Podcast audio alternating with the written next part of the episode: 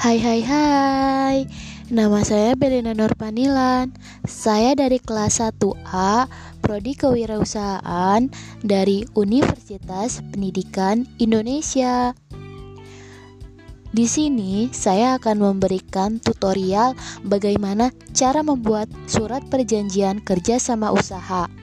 Nah, di sini saya membuat perjan surat perjanjian kerja sama usaha dapur remaja.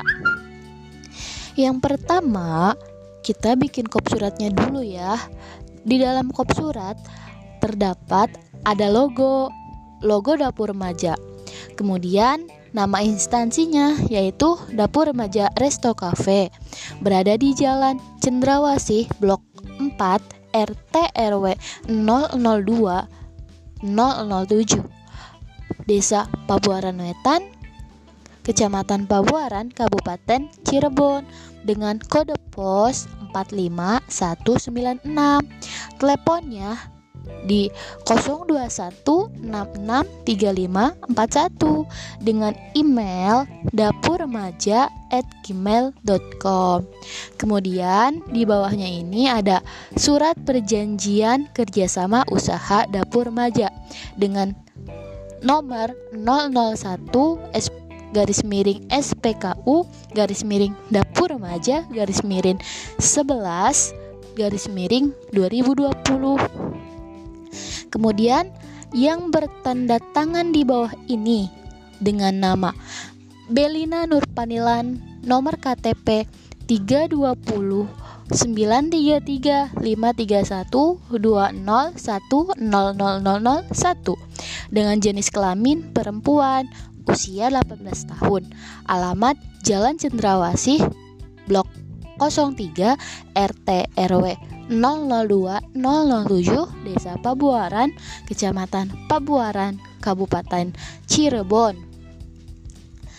Nomor telepon 089 660 379 842 itu disebut pihak pertama Selanjutnya, pihak kedua yaitu dengan nama Karlina dengan nomor induk KTP 327 33 25 24 23 544 24. Jenis kelamin perempuan, usia 18 tahun. Alamat Kampung Tanggung Renteng RT RW 002 001 Desa Barusada Kecamatan Cigedug Kabupaten Garut Provinsi Jawa Barat. Dengan nomor telepon 0881 28400485 selanjutnya disebut sebagai pihak kedua menyatakan pada hari ini tanggal 15 November 2020 bertempat di kantor dapur remaja pihak pertama dan pihak kedua sepakat untuk mengikat diri dalam perjanjian kerjasama usaha ini. Isi perjanjian kerjasama tersebut meliputi pasal 1 maksud dan tujuan. Maksud dari perjanjian ini pihak pertama dan pihak kedua sepakat menjalin kerjasama usaha dan akan melakukan investasi modal. Pasal kedua, objek perjanjian. Objek perjanjian kerjasama ini yaitu pengelolaan modal yang akan diberikan pihak kedua kepada pihak pertama. Pasal 3. Ruang lingkup. Ruang lingkup kerjasama usaha ini meliputi Pertama, pihak pertama bertugas mengelola modal yang sudah diberikan pihak kedua dengan maksimal serta mempunyai wewenang untuk mencabut perjanjian kerjasama ini bila modal yang diberikan oleh pihak kedua tidak sesuai dengan yang tercantum dalam surat kerjasama yang telah disepakati ini. Yang kedua, pihak kedua menanamkan modal kepada pihak pertama serta memasok spare part yang dibutuhkan. Pihak kedua mempunyai wewenang untuk mencabut perjanjian modal bila pihak pertama bekerja tidak baik atau merugikan. Selanjutnya, pasal keempat yaitu ada hak dan kewajiban para pihak. Yang pertama, hak yang didapat oleh pihak pertama yaitu berhak mengatur biaya operasional dapur remaja, menerima modal yang diberikan oleh pihak kedua. Kemudian kewajibannya yang harus dipenuhi oleh pihak pertama yaitu mengelola modal yang diberikan oleh pihak kedua dengan maksimal dan optimal. Dua, memberikan keuntungan kepada pihak kedua dari mulai perjanjian ini dimulai yaitu pada tanggal 15 November hingga tanggal 15 November 2021 dan memberikan keuntungan setiap tanggal 15 pada setiap bulannya. Kemudian, yang ketiga, mengembalikan total modal yang diberikan oleh pihak kedua apabila perjanjian itu telah berakhir. Yang keempat, menaati kesepakatan yang telah dibuat oleh kedua pihak. Kemudian, hak yang didapat oleh pihak kedua yang pertama yaitu ada menerima keuntungan bagi hasil 25% yaitu sebesar 2.500 rupiah setiap pada tanggal 15 setiap bulannya. Kemudian, kewajiban yang harus dipenuhi oleh pihak kedua. Yang pertama, memberikan modal yang telah ditentukan sebesar 10 juta. Selanjutnya, yang kedua, menaati kesepakatan yang telah dibuat oleh kedua pihak. Pasal kelima, yaitu pelaksanaan. Pelaksanaan di sini yaitu dana disiapkan oleh pihak kedua. Dana dikelola oleh pihak pertama. Yang keenam ada jangka waktu.